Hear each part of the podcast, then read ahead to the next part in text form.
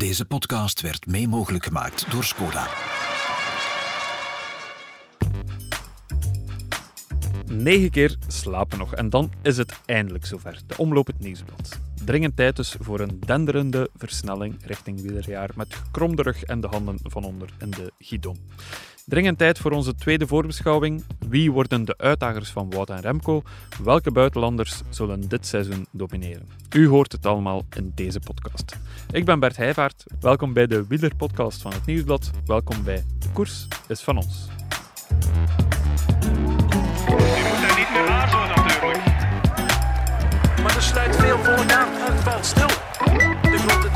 Zijn niet kunnen wegrijden van de rest. Dit is je kans, man. Ewan, Van der Poel, Schachman, Alaphilippe, Greg van Avermaat. En Stuiven zit erbij. Nu wordt het interessant. Goed, de grote voorbeschouwing deel 2 met uiteraard twee eminenties van het peloton. Twee vaten vol wielerwijsheden. Dag Wim Vos, dag Jan-Pieter de Vlier. Zo, zoveel complimenten, Bert. Ja, het is complimentjes, dag Wim. Eh, ja. Eh, hoe is het met jou eigenlijk? Eh, drukke weken van tegenwoordig? Of Ja. is het de stilte voor de storm? Ehm beiden een beetje, maar vooral druk toch. We zijn volop in de weer met een grote enquête die we bij alle Belgische ploegleiders hebben gedaan. 43 ploegleiders in totaal. Oh, dat zijn veel telefoontjes. Ja. Beetje laten voorspellen wie wint de Ronde van Vlaanderen, wie wint de Omloop het Nieuwsblad, wat was de beste transfer.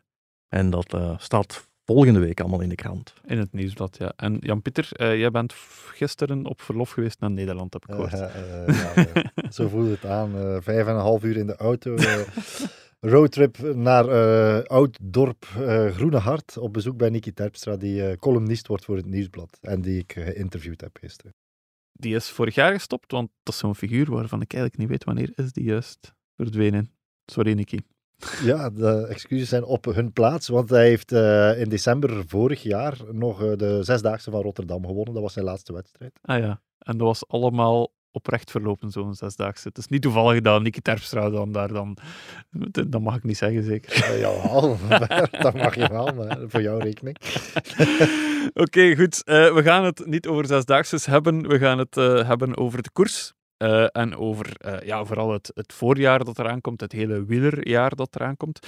En na de Belgen van vorige week, eh, wie die podcast nog niet beluisterd heeft trouwens, zeker doen, gaan we het deze week hebben over de buitenlanders. We gaan dat net zoals vorige week doen aan de hand van een aantal klinkende namen. En we zijn vorige week begonnen met Wout van Aert, dus ik stel voor dat we vandaag beginnen met zijn evenknie. Roubaix heb ik nog niet gewonnen, dus dat zou wel, wel mooi zijn om die bij te schrijven op Palmares. Maar ik zou even blij zijn met Vlaanderen als, eh, als met Roubaix, uiteraard. Mathieu van der Poel. Het klinkt een beetje gek, Wim, eh, voor een man die de Ronde van Vlaanderen gewonnen heeft vorig jaar. Maar eigenlijk heeft hij iets goed te maken in 2023. Ja, het klinkt niet alleen gek, het is zelfs ronduit contradictorisch. En zelfs niet helemaal waar, eh, wat je zelf zegt. Hij heeft de Ja. Ronde van Vlaanderen gewonnen. Kan daar nog een ritzege in de Giro aan toevoegen. Toen was de Vlaanderen gewonnen. Ja, een Ja. roze trui heeft hij gedragen in de Giro. Eh, en toch is inderdaad, eh, bestaat dat beeld zelfs al een paar jaar van dat de renner is die ja, iets goed te maken heeft, waarvoor het al een paar jaar niet helemaal loopt zoals je zou willen. En ehm, ja, dat heeft natuurlijk een, een reden, heel van achtergrond. Eind vorig jaar, eerste 2K in Australië, waar hij het hotelavontuur Ja. Kent, eh, nachtelijk hotelavontuur. Waar hij dan de dag nadien ook na, denk ik, 50 kilometer moet opgeven. Ja, voor de Als je- rechter nog moest verschijnen. Ja. Als je wat verder teruggaat, was het incident op de Olympische Spelen, waar dat hij als enige dan van de Nederlandse selectie niet wist dat de plank eh, zou weggehaald worden na de op opwarmingszone. op- Ja, en daartussen had je ja. dan nog het, het hele blessure, vooral met zijn rug. Van één, wanneer ging het goed komen? Ging het überhaupt wel goed komen? Mhm. Dus hij heeft best wel wat meegemaakt de voorbije jaren. En ook extra, extra sportieve dingen meegemaakt de voorbije jaren. Ja, En ja, dat heeft een beetje het beeld toen ontstaan van een renner waar voortdurend iets mee aan de hand is en die nog wel eens iets mag presteren op de weg, wat eigenlijk onterecht is. nee, want als je het Ja. vergelijkt met Wout van Aert bijvoorbeeld, ja, dan kan dat palmares er best wel naast staan de voorbije jaren. naast en voor een deeltje zelfs boven, vind ik. Hij heeft meer wereldtitels in het veldrijden Ja, dan Van Aert op dit moment. Hij heeft wel al twee monumenten op de kasseien gewonnen, twee keer Ronde van Vlaanderen. Ja. Ehm, hij heeft ook de gele trui gedragen, net zoals Van Aert. Hij heeft wel al het roze in de Giro gedragen, wat Van Aert nog niet gedaan heeft. Mhm. Dus er zijn minstens argumenten om te zeggen dat is een palmares niet even waardig, dan zelfs mooier dan dat van Van Aert. Ja, ja, ja. Er wordt soms wel eens de vraag gesteld, moet hij niet stilaan van ploeg veranderen? Zou hij niet beter nog presteren, nog beter presteren binnen- bij, ja, ik zeg maar iets, bij een ploeg als Lefevre, bij een ploeg als eh, Bora? Ehm, wat denken jullie? de ploeg Lefevre wil ik nu nog een beetje marge in laten, omdat dat ook wel een ploeg is waar dat een beetje feestelijk aan toe gaat. Maar ehm, ik denk dat Van, van der Poel goed zit waar dat hij zit, omdat ze precies weten hoe dat ze het voor hem eh, zo kunnen organiseren dat Ja. hij, dat hij eh, betrokken blijft in het verhaal. Ik weet, ik heb een paar jaar geleden, toen Van der Poel nog, nog eh, één op één interviews gaf, kon ik hem een paar dagen volgen op stage. En dan hoor je dat ze bijvoorbeeld gaan, gaan karten of dat er een padeltoernooi is. Dus zelfs zo'n stage is niet alleen fietsen, fietsen. Daar worden ook zo'n beetje ja, leuke Beetje dingen rond gedaan. ja. Wat ook eh, wat niks, niks afdoet aan de, aan de figuur van de Poel. hè. De wielrennen is soms een beetje monotoon. Ja. En als dat niet in uw karakter zit, denk ik dat dat goed is dat er zo andere dingen ook aangeboden worden. Ja, ja, ja, ja. Nu, ik moet wel zeggen, bij het WK veldrijden, dat hij een paar weken geleden op een fantastische manier won, had ik wel de indruk van, oké, die oude Van der Poel is wel terug. Je zag zo die gebalde vuist toen hij over de meet kwam. Het was toch echt wel duidelijk een ontlading. Ehm, is dat de juiste indruk? Of, of, of... Ik denk dat je niet moet onderschatten dat hij niet heeft kunnen koersen zoals hij zelf wil koersen de voorbije jaren. Die rug, hij wil dat ook niet altijd als een excuus in, inroepen, denk ik. Maar Ja. met pijn koersen, dat is, dat is niet fijn. En dan ook niet met de, eh, de overmacht kunnen koersen die hij graag eh, demonstreert. Dus voor hem is zo zuinig koersen is tegen natuurlijk en hij vindt dat niet leuk, denk Ja. ik. Dus eh, ik, ik ben wel akkoord, zo die vreugde-uitbarsting aan de meter was inderdaad zo, ah, Van der Poel eh, amuseert zich. En dat is iets Ja, ja, dat ja. misschien niet zo vaak zal gebeurd zijn de voorbije Ja. jaren op de weg. Op de fiets denk ik dat hij het enthousiasme nog wel heeft. Zeker op de momenten dat het loopt zoals hij wenst dat het loopt. Maar naast de fiets heb je toch zo wel al een tijdje het gevoel van toch is de spontaneïteit of de hartelijkheid is hij toch wat kwijtgeraakt. Is dat Eh, zo? Ja? Vind ik wel, ja. De, de ongedwongen, complexloze rennen die hij zes, zeven jaar geleden was. Ja, zo het jongetje is- met de blozende kaakjes. ja, dat- is ja. toch wat verdwenen. Al het extra sportieve, ja, daar kan hij zich steeds moeilijker voor opladen, denk ik. En dan gaat het zo wel over relatie naar de media toe, mogelijk ook naar sponsors toe, dat, dat weet ik iets minder. Maar je ziet, dat neemt hij allemaal wat noden bij. En hoe gaat dat dan? Want GP, jij zei daarnet, ehm hij, in de tijd dat hij nog één op één interviews deed, dat doet hij niet? Of, of hoe moet ik me dat, Dat voorstellen? Doet hij niet Heel meer. zelden, of zelden tot niet. Ja. Ja, we krijgen altijd de boodschap van hij doet alleen nog dingen als het eh, plezant is. Dus ik heb al eens voorgesteld om een, om een interview te beginnen met een mop, maar dat, eh, dat kon hem blijkbaar niet overtuigen. Maar ja... Het was eh, misschien een slechte mop hebben. Dat Eh, zou best kunnen, ja. direct interview afgesloten. Maar ik Maar- denk ook, zodat hij sportief eh, de ploeg gedragen heeft, en wel steeds in mindere mate, maar ook extra sportief en eh, publicitair en aan media toe, was hij ook de man. Ja, hij was de enige die we wilden interviewen, bij manier van spreken. Ja, Ja. Nu spreken we wel over eh, een paar jaar geleden. Dus ja, er zal veel op zijn bord gelegen hebben en misschien eh, te veel. En hebben incidenten zoals de Spelen, zoals 2K in Australië, heeft hem dat veranderd? Zeker wel. Ja. Ja. Ik, heb hem, ik was erbij in Australië. Als hij daar ja, zich eerst, denk ik, een uur, anderhalf uur in een kleine minivan heeft weggestoken na Ja. zijn opgave. Hm. Ondertussen was dat de verzamelde pers, wereldpers, toegestroomd. En ja, hij is daar dan, denk ik zelfs zo met onder een soort van deken of handdoek snel in een andere auto weggeleid. Alsof het een halve crimineel was. Ja, wat op dat ja, moment ja. ook even het beeld was. Voor alle duidelijkheid. Ik denk dat hij daar uiteindelijk volledig van is vrijgesproken. Ehm, maar ja, dat zijn één, dingen die niemand graag overkomt. En twee, die echt wel op hem zijn gaan wegen. Ja. En zeker als ik dan het jaar exact of iets meer dan een jaar voordien daar in Tokio, het hele plankjesverhaal. Het was een ander verhaal, maar ook weer iets waar je zegt van wat is dat toch altijd? met Ja, ja, ja, van der ja. Poel. En heel die sfeer weegt wel op hem. Is het ehm, noodzakelijk slecht eh, dat hij zich eh, wat meer afschermt van de buitenwereld? Ik wil zeggen, voor zijn prestaties moet een topsporter niet sowieso in een kokon liggen en leven en zeggen, voert die buitenwereld, trek mij niks van jullie aan.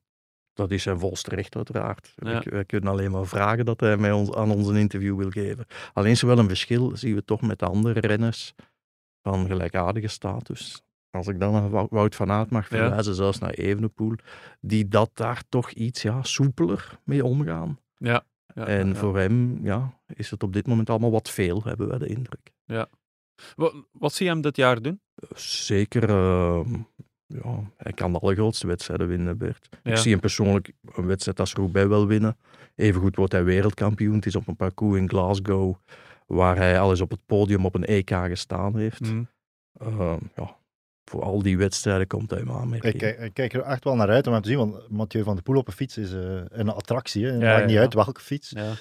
Dus eh, je hoort ook dat, dat er heel goed gewerkt is op, op de stages en zo. Dus met normale voorbereiding die hij dan vorig jaar niet gehad heeft, denk ik wel dat, dat hij eh, een zeer sterk voorjaar kan. Ja, ja, ja, kan. Zijn ploeg is ook nog eens versterkt. Hè. Ja, Ze zeker. hebben Søren Andersen ja. erbij gekregen. Gianni Vermeers is er nog altijd. Jasper Philipsen. Oké, ze zullen misschien niet altijd in dezelfde wedstrijden uitkomen, maar als die erbij is, is ook nog eens een jaar ouder geworden. Echt wel een sterke voorjaarsploeg geworden. Ja, die ploeg heeft zich wel echt zo op één dagswerk eh, een beetje toegespitst. Ja. Ik wil even overgaan naar een man die, ja, vind ik soms een beetje gelijkaardige trekjes eh, vertoont als Van der Poel.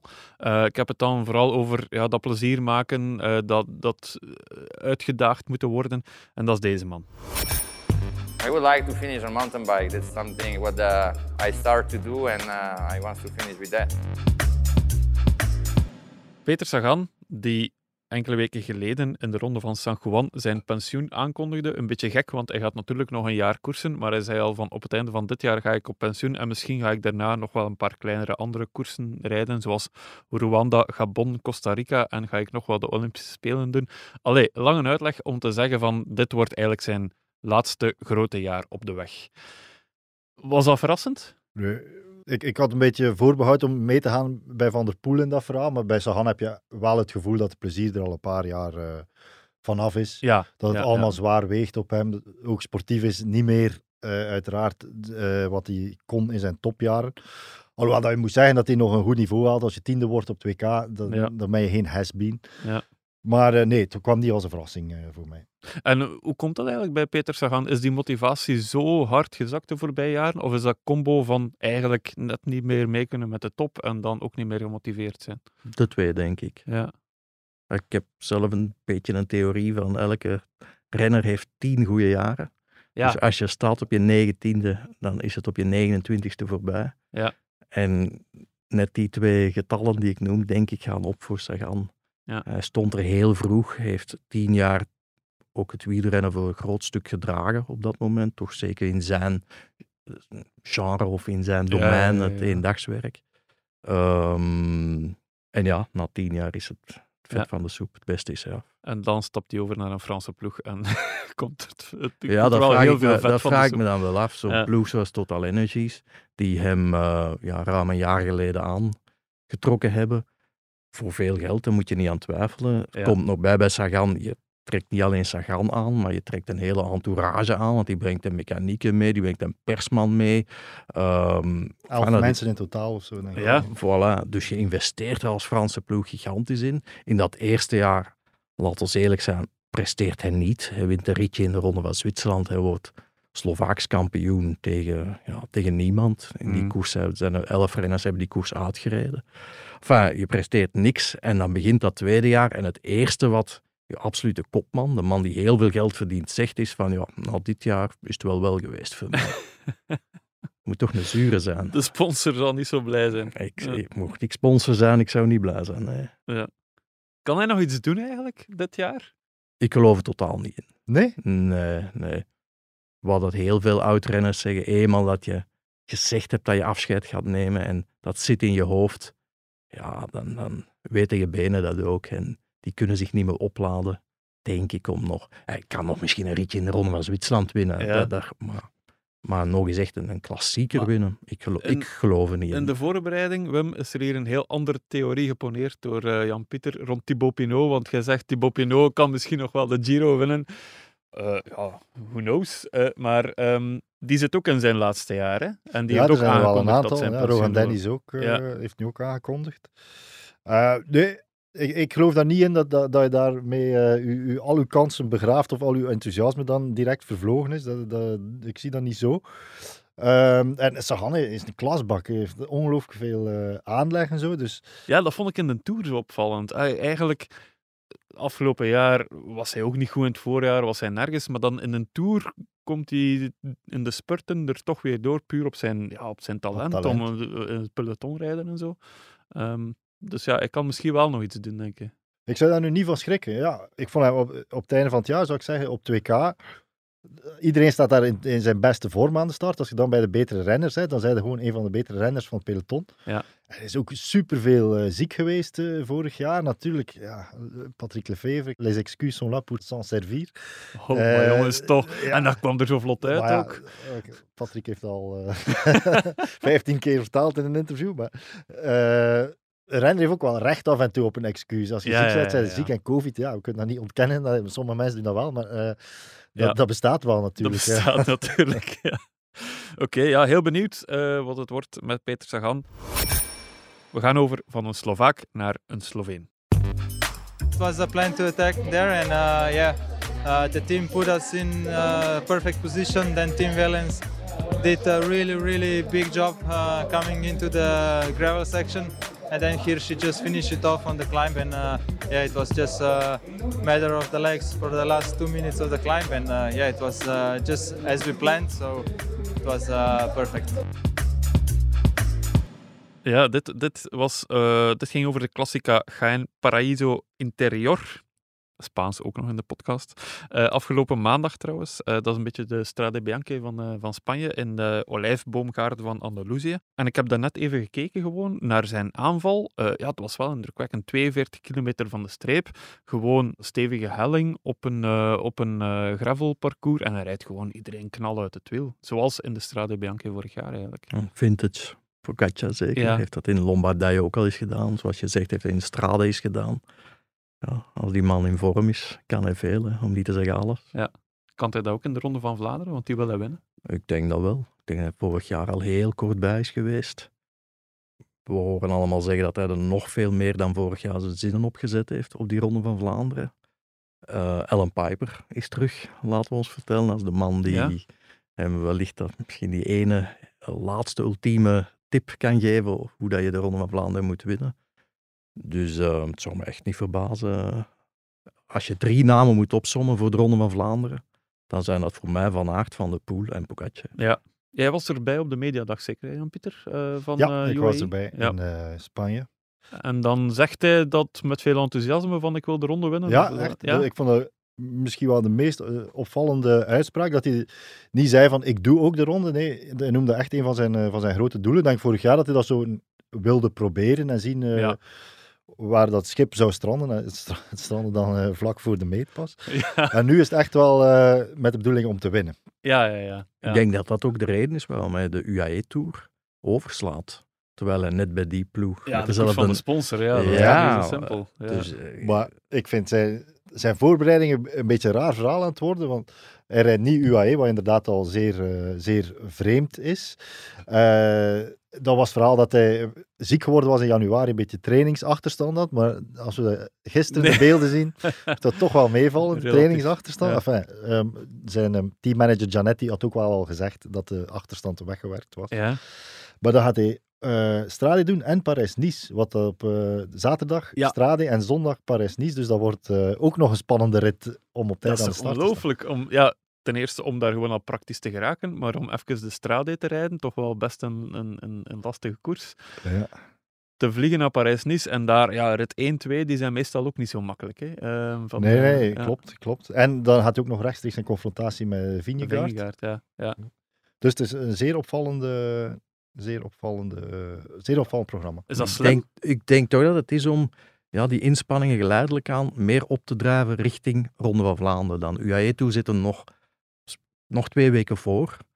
Terwijl hij, als hij daaraan meedoet, wordt hij ook weer verwacht dat hij er absoluut top is en Ah, die ja, wedstrijd ja, ja. meteen wint. Mm.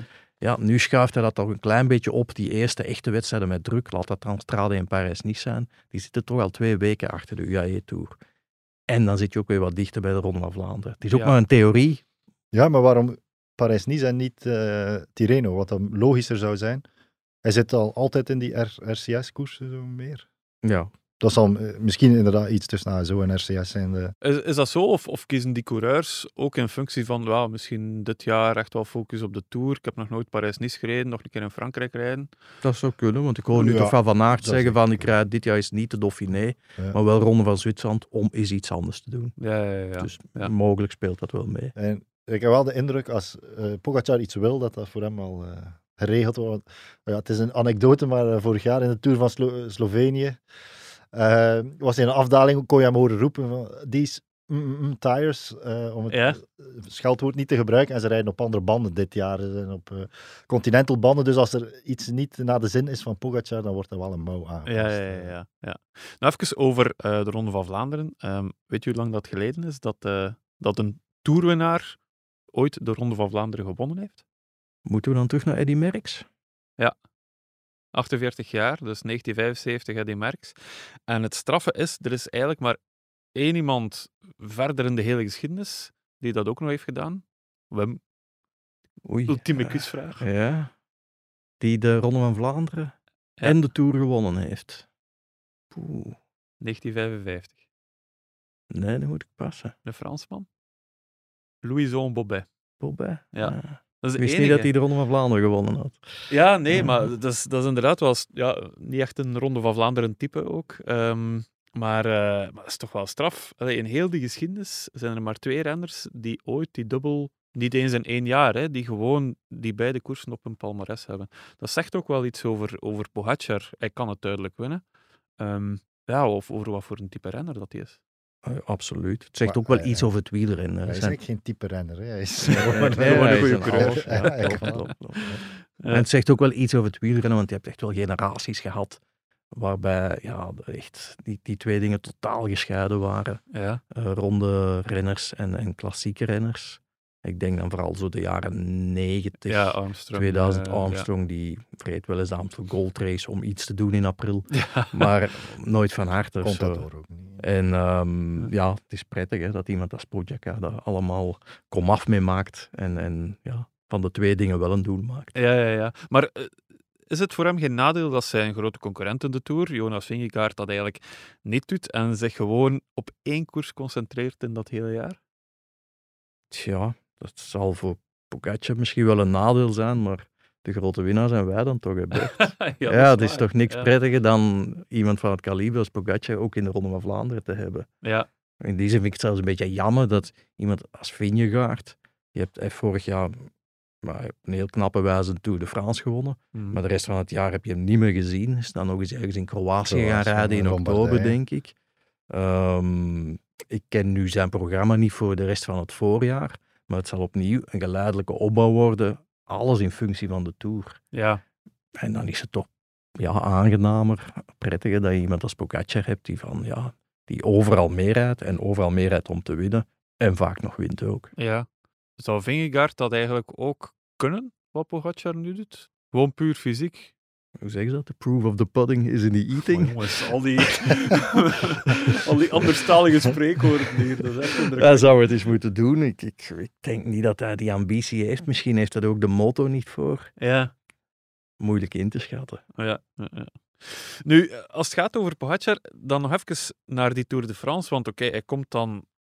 Hij, gaat, hij wil de Ronde van Vlaanderen winnen, hij gaat misschien een fantastisch voorjaar rijden, maar dan toch komt voor hem in het jaar alles terug op die Tour de France. Hè. Ehm, daar staat of valt zijn jaar wel mee, of, of zie ik dat verkeerd? Stel hij wint de Ronde van Vlaanderen, is zijn jaar dan geslaagd? Maar vinden we dat hij nu een slecht seizoen gehad heeft? al? Nee, nee, maar je Maar zal ja, het een... Stel dat hij de Ronde van Vlaanderen wint en hij rijdt een heel competitieve Tour de France, net zoals vorig jaar, wordt er eervol tweede. En, en staat ook nog op het podium op het 2K, twee weken na de Tour. Wat mij betreft heeft hij dan een, eh, een zeer mooi en een geslaagd seizoen. Gaan ze dat in de Emiraten ook vinden? Ik heb wel de indruk dat ze zo eh, een, een makkelijke verkoopspraat zoeken altijd naar, naar de sponsor van ja, we, we hebben een Tour gewonnen of we staan nummer 1 in de World Rankings, want dat is ook wel iets dat ze echt op inzetten altijd om de ja. UCI-ranking te winnen. Dus ik denk dat, dat ze, ja, we gaan ervan uit dat de, de emir niet zo heel vertrouwd is met wielrennen, dus dat hij zoiets moet hebben van, ah, oké, Ja, makkelijk. gewoon een lijstje. Ja, het is te makkelijk te begrijpen. We hebben de Tour gewonnen, de belangrijkste wedstrijd. Of we zijn de beste ploeg van de wereld. Zo. Ja, ja, ja, ja, Ik denk ja. dat ze daar wel op inzetten. Ja, oké. Goed, eh, straks hebben we het nog over de vreemdste transfer van het jaar en over een man waarover Patrick Lefevre dit zegt. Ik heb gezegd dat ik totaal niet tevreden was, dat, dat ik begrip heb voor zijn ziektes en zijn valpartijen. Maar ik kunt jullie verder blijven achter de Westen. Maar eerst gaan we er even uit voor reclame. Je gezin is net als een wielerploeg. We moedigen elkaar aan. En we weten dat we met de tips van onze ploegleider we alle kansen hebben om echte kampioenen te worden. Skoda, supporter van de grootste fietsfamilie. Zeg, voor je verder luistert. Het koersvoorjaar van het Nieuwsblad is te goed. Er is deze podcast, maar er zijn ook voorbeschouwingen, scherpe analyses en reportages. Lees nu het Nieuwsblad. Acht weken voor 8 euro. Ga snel naar nieuwsblad.be slash actie. Voor we nog gaan inzoomen op twee andere coureurs, ehm, wil ik dit momentje even nemen om ehm, eh, ja, een paar tips te geven aan mensen die vandaag de dag hun ploegen aan het samenstellen zijn voor allerlei soorten ja, megabike, gigabike, eh pronostiek eh, wedstrijdjes. Ehm, zijn er jongens die, behalve de grote namen die we in deze podcast behandelen, die mensen zeker in een ploeg moeten zetten dit voorjaar? Ben Turner. Ben. Turner, ja. Ineos. eh, Ineos heeft in het weekend al een wedstrijd gewonnen, dus het is eh, niet zo'n geniale ingeving van mij. Ehm, maar hij heeft ook al andere goede uitslagen voordien. Gisteren was hij ook nog tweede achter Pogacar. In ja, hij was de, laatste in het wiel eh, ingaan. Ja, in die Spaanse gravelwedstrijd. Ehm, ja, en heeft ook de voorbije jaren best al wel wat mooie uitslagen laten noteren. Ik dacht, hij is een dicht bij top 10 in de Roubaix Ja. gereden. Ook in andere, eh, al een paar keer in de top 10 gereden in een paar Vlaamse wedstrijden. Dus ja, Ben Jonge Turner. gast, jonge Brit ook. Ja, hè? 24 jaar. Ja, is dat een beetje Pitcock-type? Eh, denk het wel, ja. Ja. Dat is alleszins ook iemand die mee in die ploeg rond Pitcock zit. Ja. Ja. Oké. Jan-Pieter, jij een eh, gouden tip? Eh, een naam die je nu veel hoort rondgaan is eh, Axel Laurence. Eh, die werd een beetje beschouwd als het kroonjuweel van B&B. Ja. Dus toen dat die ploeg eh, ophield te bestaan, sprongen alle, ongeveer alle ploegen op Axel Laurence. Eh Quickstep wilde daarmee heel graag bijvoorbeeld, maar die hadden dan even niet het budget daarvoor. En uiteindelijk is hij bij Alpecin de Koning beland. Ja. Weliswaar in, het belofte, in de opleidingsploeg. Mhm. Maar ik denk dat dat meer een soort administratief trucje is, waarin dat ze ehm, ja, het, het, de, de limiet van het aantal renners kunnen omzeilen. Ze gaan hem wel degelijk eh, in, de, in grote koersen opstellen. Ja, ja, ja. En, en wat voor een type is Axel Laurence? Is een Fransman, jonge Fransman? Jonge Fransman, eh, klimt goed, is snel eh, in de Kroatische race waar Vingegaard nog eh, na de Tour gereden was. Ja, ja, ja. ja. Eindigde hij vijfde, dus hij klimt ook wel eh, Mhm. degelijk. Ja. Ik denk gewoon een zeer beloftevolle allround eh renner. Ja, ja, ja. Iemand die ook goed de uitslagen eh, in de gaten houdt hier is eh, Lander, onze stagiair.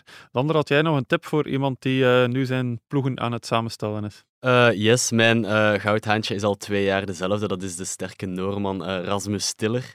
Toch iemand die vaak finales rijdt eh, en ook aan veel koersen aan de start staat. Ook belangrijk voor eh, punten te pakken. Dit jaar start hij bijvoorbeeld in Kuurne, Brussel, Kuurne, Parijs-Nice, de ronde en eh Roubaix. Ik denk niet dat hij direct een, een supergrote slag gaat Nee, die gaat de ronde niet direct winnen, maar wel zo eentje die vijfde kan worden. eh, ja, Op, op constante basis sprokkelt hij wel enkele puntjes binnen. Hij werd al een keer zesde in de omloop, vijfde in de Antwerp Port Epic. Won dwars door het Hageland, tweede in de Samay en twee keer tweede in Banshee met Bansh. Dus dan pak je wel eh, af en toe je puntjes ja, mee. Ja, ja, dat is interessant. Ik heb nog een kleine tip, maar dat is eigenlijk meer uit sympathie dan, eh, dan iets anders. Ik zou Lenny Martinez erin zetten. Dat is eh, een jonge Fransman, eh 52 kilogram. Zo'n klimmertje, die in de Waalse pijl misschien wel derde of vierde kan worden. Maar dat is de zoon van ehm, Miguel Martinez, Olympisch kampioen in 2000. En wie werd er tweede? Nog een quiz. Philippe Meijeragen. Voilà, ja. En ik vond Miguel Martinez vond ik zo toen echt een... Ja, dat was mijn held als, eh, als, als, als, eh, toen dat ik ja, een jaar of 18 was, denk ik. Dat was zo'n klein mannetje zo, en, en die kon supergoed klimmen. Maar die heeft het eigenlijk nooit gemaakt als wegcoureur. Maar nu misschien zijn zoon. De eh, neoprof, hè, de zoon. Neoprof ook, ja. ja, ja. Heeft de ronde van de Valle d'Aosta gewonnen vorig jaar, dus dan kan je wel iets. Maar benieuwd of hij niet zal wegwaaien gewoon in het peloton.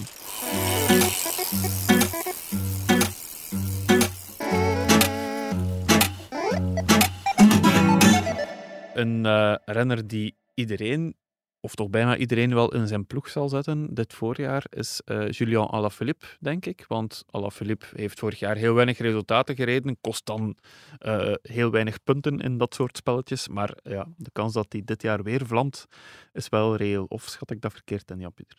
Uh, nee, ik denk dat dat juist een goede inschatting is. En dat hij er wel op gebrand zal zijn om zijn, zijn snertseizoen van vorig jaar te, te doen vergeten. Ja. Maar ja, natuurlijk op de, op de persvoorstelling, denk ik dat Wim daar was, eh, zat hij alweer in zijn eentje, mocht, eh, was hij ook ziek.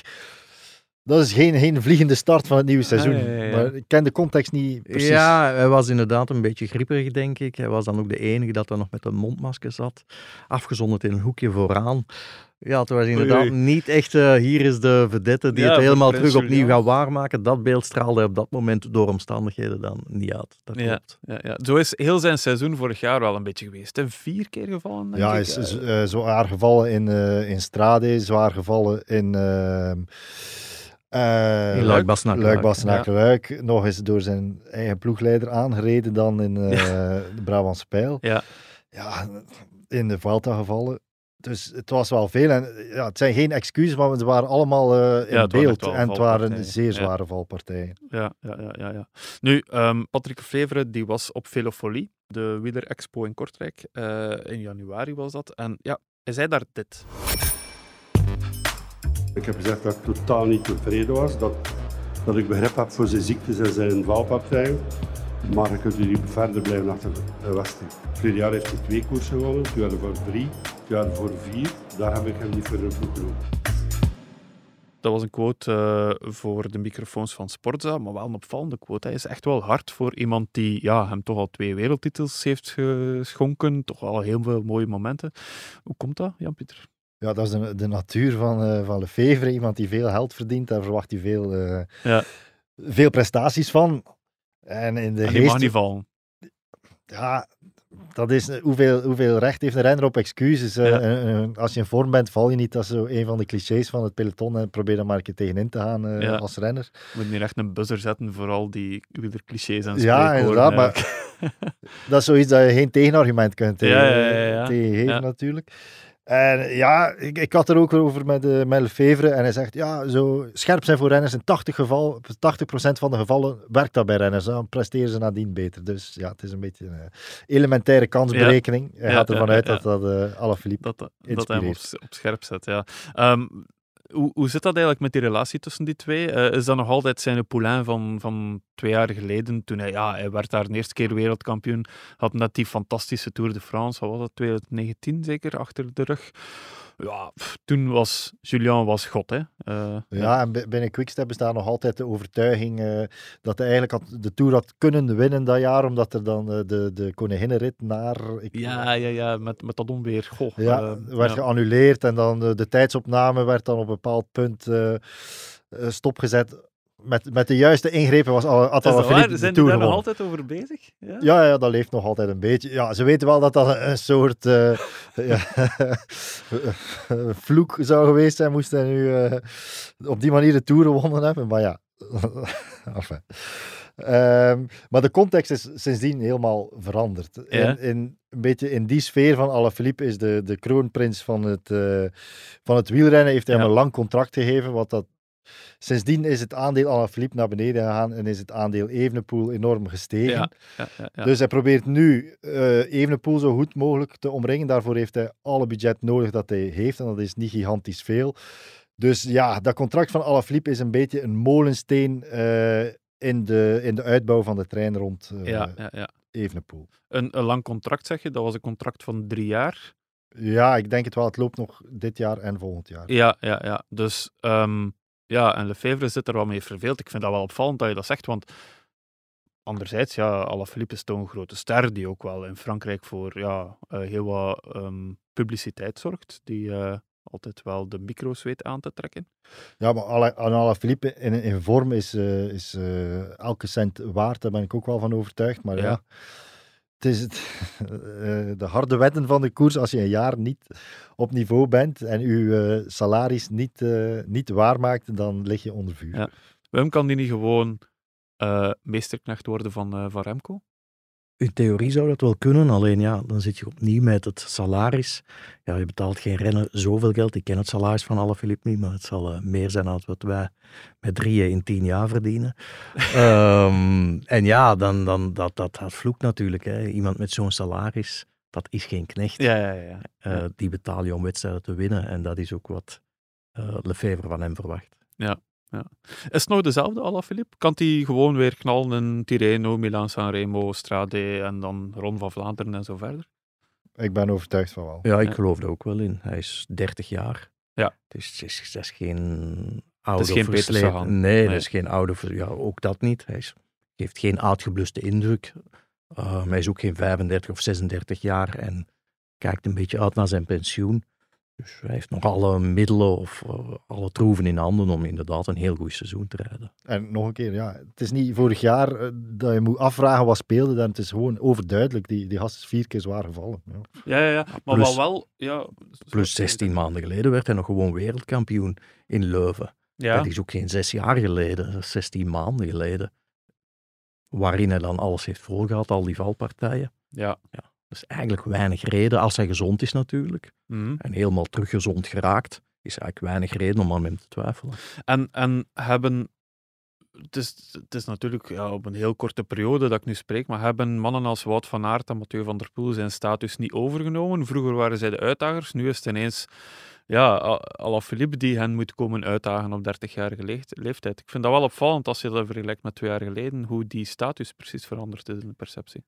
Wat er ook een beetje in meespeelt is, ja, Alaphilippe heeft zo een beetje altijd tussen mossel nog vis. Hij was en voor de Ardense werk, Ardeense Ja, werk. ja. Hij heeft dan eens een keer komen proeven van het Vlaamse werk. Vorig jaar daar dan denk ik maar één wedstrijd komen rijden in Vlaanderen. Mhm. Nu met Evenepoel, die dan toch de uitgesproken kopman wordt in Luik, Bastenaken, Luik, keert hij dan weer terug naar dat Vlaamse werk.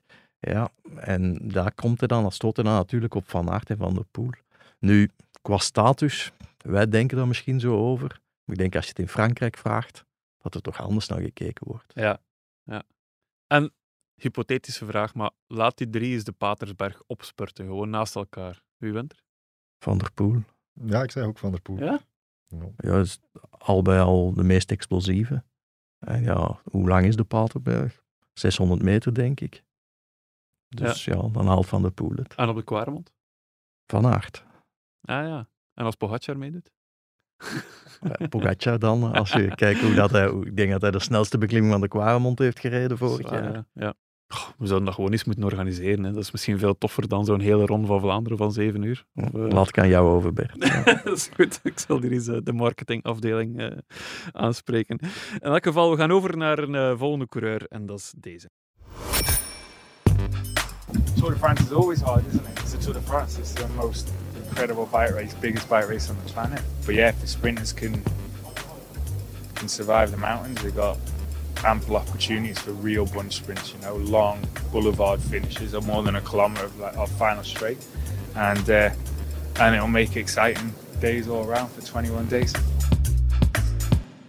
Ja, over fijne carrières gesproken. Mark Cavendish, eh, die doet nog altijd mee. eh, deze keer in het shirt van Astana, zowaar. Ehm dat was opvallend, hè? dat hij ineens voor Astana zou gaan rijden. Ja, ik denk dat dat eh, de laatste kandidaat was die, die voor hem be- beschikbaar was. Ik hoorde, ik weet niet hoeveel reclame voor andere podcasts mogen maken, maar in, Pax Media. ja. Oké. In, eh, in het wiel zat eh, Martijn Berghout, en, eh, de, de manager van Cavendish, die heel het verhaal deed van het, de teleurgang van B&B, waar dat hij dan Ja, de Franse ploeg die eigenlijk ging opgericht worden Ja, rond hem onder rond hem, Ja. inderdaad, in, in hoofdzaak rond hem. En die dan in één maand tijd helemaal in elkaar zakte. En die, plots was Cavendish opnieuw op de markt. En zijn manager vergeleek de situatie met eh, Cristiano Ronaldo, die weggaat bij Manchester United. Ja. En ja, eigenlijk zijn er heel weinig clubs die kapitaalkrachtig genoeg zijn om zo iemand aan te trekken, die de ruimte hebben om zo iemand aan te trekken. Dus ja, ik denk dat Astana ongeveer de enige, de enige kandidaat was. Ja, ja. Is dat dan goed gezien van Astana? Of allee, goed geïnvesteerd? Of... Totaal onbegrijpelijk. Echt? Ja, je haalt een oude renner eh, in huis die inderdaad twee jaar geleden bij Quickstep nog gepresteerd heeft, maar vorig jaar ook alweer minder. De jaren daarvoor waren een fiasco. Astana heeft totaal geen traditie in sprinten.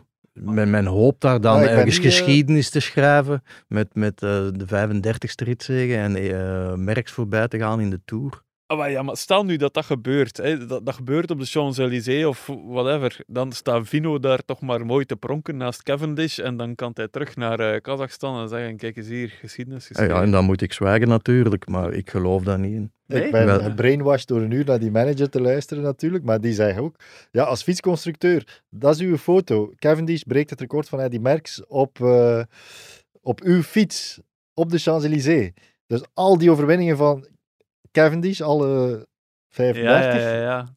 worden toegeschreven aan uw fiets. Dat is echt een unieke verkoopsargument. Rijdt hij nu altijd op Specialized trouwens? Want dat was vroeger toch zijn, zijn, zijn favoriete fiets? eh, of... Ja, dat, is- dat is de fiets dat hij zijn eh, grote successen mee haalde. En een van de redenen waarom dat hij bij Quickstep dan opnieuw boven water kwam, was omdat hij opnieuw op een Specialized fiets kon rijden. Maar eh, bij Astana zal het op eh Italiaanse constructeur Willier eh, te doen zijn. Ah ja, oké. Ja, niet zo'n groot merk. En inderdaad, als die daar dan kunnen pronken.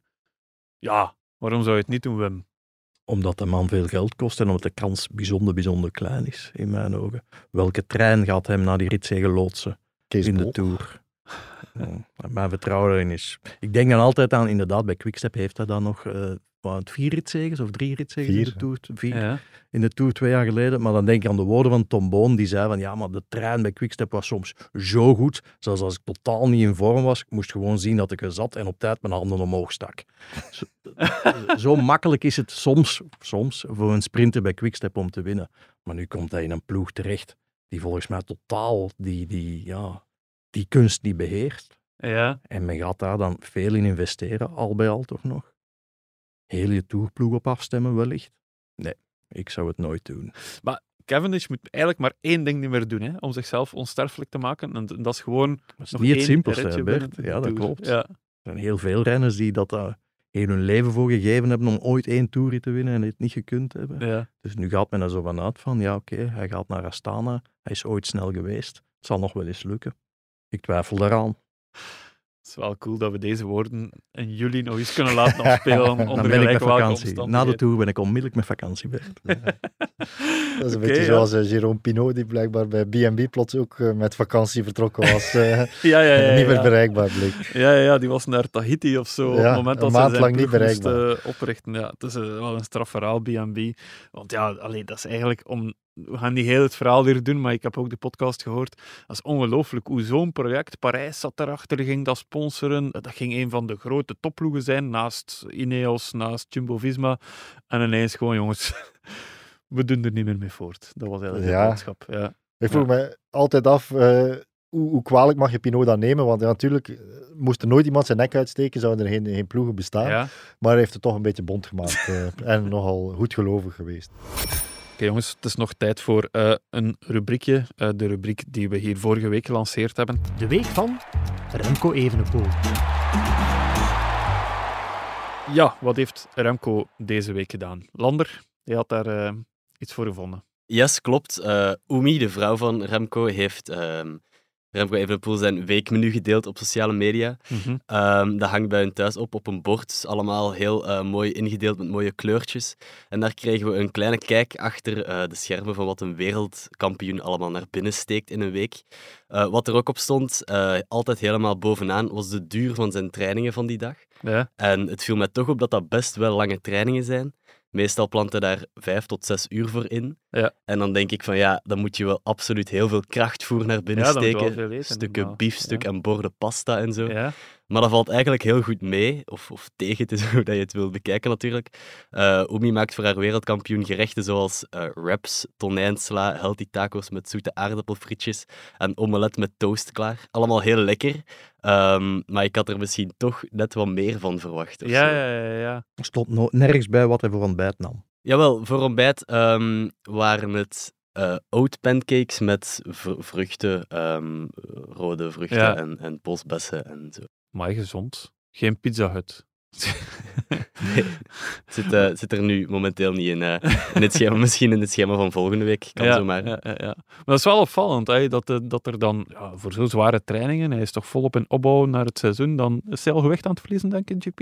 Eh, uit goed ingelichte bron, om Patrick Lefevre niet bij naam te noemen, moet er toch nog een beetje gewicht eh, af. eh, Richting Giro. Ja. Richting Giro, wat dat ook doodnormaal is waarschijnlijk.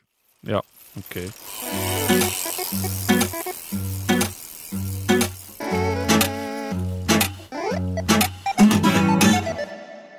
Als uitsmijter, jongens, wisten jullie dat er dit weekend een wereldkampioenschap is in de koers? Wij wisten het. Het WK Zwift. Ja? Goed zo. Ja. Eh, er is één man die daar alles over weet. Dat is Lander. Eh, want Lander, je bent zelf fervent Zwifter. Klopt, jawel, absoluut. Ja. Eh, ik volg dat op Strava. Ik zie je altijd in Watopia allertijds uh, allerlei ritten eh, rijden. Ehm, nu, in elk geval, ehm, het is wel intrigerend, hè, Zwift. Want, want het is zo enerzijds een universum waar, waar heel veel te meten valt, waar eh, nu koersen worden georganiseerd en waar je eigenlijk perfect kan zien wie de ideale coureur is.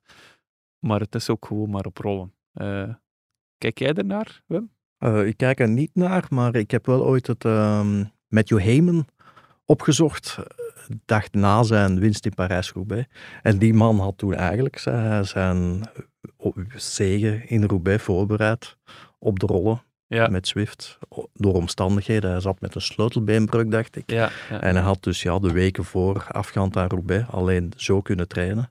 En laat ons zeggen, toch met een eh, fijn resultaat. Ja, ja de vraag is eh, altijd van, ja, zijn, zijn dat goede coureurs? Zouden dat goede coureurs zijn? Lander, je hebt eh, de Belgisch kampioen kunnen spreken. Hè? Dat is eh, de man die afgelopen weekend eh Belgisch kampioen werd. Ja. Ja, klopt. Dat is ehm, Bart van den Eekhout. Die is dit weekend Belgisch kampioen geworden. Mhm. E-cycling. Dat was niet op Zwift. Het WK van volgend weekend, zaterdag, is wel op Zwift. Ja. Ehm, maar ja, het BK moet natuurlijk op Belgische bodem gereden worden. En dan was er een ehm, volledig parcours eh, uitgetekend dat ook echt bestaat. Rond de meren of de... Lac de Lodeur. Voilà. Ja. Ehm, ja, ik heb hem de vraag ook eens voorgelegd of dat eh, Zwift ook per definitie goede renners eh, voortbrengt of niet. Ehm, in, de, in de koers en in het echt is die stuurvaardigheid super belangrijk.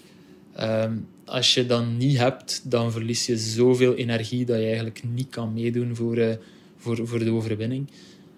Maar ik denk ook wel dat die stuurvaardigheid iets is dat kan aangeleerd worden. En je ziet het bijvoorbeeld al bij Jay Vine, die de Zwift Academy heeft gewonnen. eh, die vorig jaar ook wereldkampioen eh, e-sports is geworden. En die dan daarna ook ehm, op de weg eh, twee Vuelta-overwinningen, twee Vuelta-etappezeges heeft, heeft behaald. En dit jaar Tour Down Under heeft behaald, eh, heeft gewonnen. Ehm, ja, dat is, daaraan zie je dat, dat het wel aanleerbaar is, denk ik. En ehm, het is een indicatie van een, van een grote motor. En dat is in wielrennen natuurlijk super belangrijk. En als je dan die stuurvaardigheid erbij nog kan, kan leren, eh, terwijl dat je die koersen doet, dan, eh, dan kan je een heel, heel, heel goede en succesvolle renner worden, denk ik. Ja, Bart van den Eekhout heeft het hier over Jay Vine. Eh, jongens, is dat, eigenlijk, ja, is dat eigenlijk nu de start van een heel nieuwe fase in het wielrennen, waarin renners eerst op wattage gaan getest worden en dan uiteindelijk uitgroeien tot profcoureurs? Of is dat nu een uitzondering? Want Jay Vine, iedereen kent het verhaal, een aantal jaar geleden binnengehaald door Alpecin. eh, in de luwte een beetje opgeklommen en dan ja, sinds Vuelta vorig jaar en Tour Down Under dit jaar ineens echt wel ontploft. Ik denk wel dat het een manier wordt om nieuwe renners te gaan detecteren. Ja. En dat is eens naar Zwift gaan kijken, want uiteindelijk heeft Alpecin, de koning, dat slim gezien. Want zij hebben denk ik een aantal jaar geleden een soort van overeenkomst afgesloten met Zwift. Van de jongens die uit Die Aca- Zwift Academy kwamen. kwamen, de allerbeste, dat die bij hen, zelfs denk ik standaard, op een klein contract konden rekenen. Mm. En zo is Jay Vine bij hen beland. Maar of dat, dat nu de weg wordt, laat staan de enige weg of de grote weg, dat denk ik nu niet. Ik denk dat er al meer tegenvoorbeelden zijn dan eh, het succesverhaal van eh Vine. Ja. Jason Osborne, de Olympische roeier, is eh, ook zo'n wattagemonster op de fiets, maar eh, op de weg lukt het niet, omdat hij ja, geen, geen bevoorradingszakje kan aannemen en zo. Ja, dat speelt allemaal mee, uiteraard. Ja, ja, ja, ja, ja. Uh, Lander, zijn er eigenlijk profrenners die uh, meedoen aan dat WK Zwift? Uh, Belgen, die we in de gaten kunnen houden? Um, het zijn niet allemaal profrenners, maar volgens um, Bart van den Eekhout maken we wel degelijk kans. Mm -hmm. um, Kampenaar doet ook mee, dus dat is ook wel iemand die heel veel power kan uh, trappen. Ja. En daarnaast is er ook Lionel um, Vujazin, die uh, heel veel, of toch al heel bekend is in de Zwift-wereld. Mm. En ook door Zwift zelf wel al wordt uitgeroepen als een van de grote favorieten. Ja, ik neem aan dat we dat kunnen volgen op, via streams, via ja, YouTube. er is uh, normaal gezien op YouTube altijd een livestream um, op het kanaal van Zwift en dergelijke. Een afwachting van de omloop het nieuwsblad, want dat is dan volgend weekend. Um, ja, ik neem aan dat jullie al volop bezig zijn met de voorbereiding van de omloop, of begint dat pas volgende week? Of is dat nee, nee, nee, nee, die voorbereiding loopt al wel een week of twee. Ja, ja, ja pagina's vullen in de krant. Grote interviews doen, reportages voorbereiden. Ja. En ons inlezen, Bert. Dat is belangrijk, dat is belangrijk. En podcasts luisteren, ik zeg maar iets. Jan-Pieter, jij ook volop bezig met de voorbereiding? Ja, op zich wel. Ik heb al veel interviews uh, afgenomen, maar ik vertrek vrijdag naar de UAE-tour. Dus Oeh. ik zit in uh, Abu Dhabi en ja, Dubai. Het gewoon weer. Ik hoop het, ja. Ja. ja, wij gaan ervan uit, maar wie weet regent Ja, inderdaad. Sneeuwt het. Ja, wie weet. Klimaatopwarming, dat doet gekke dingen. Bedankt voor uh, deze podcast. Uh, volgende week is Michael er terug. Uh, en dan gaan we echt wel vooruitblikken naar de omloop het nieuwsblad zelf. En in afwachting van dat alles zou ik aan elke luisteraar zeggen: schrijf u zeker in voor iedereen Flandrien onze, eh, ja, onze, ons trainingsprogramma eh, van het Nieuwsblad, waar, eh, waar je twaalf weken lang gratis trainings- en voedingsadvies kan krijgen. We hebben daar ook een podcast over gepost en super interessant. Dus Wim, Jan-Pieter, tot volgende week. Tot volgende week, Bert. Bye. Je niet meer. Maar er sluit veel voor aan het valt stil.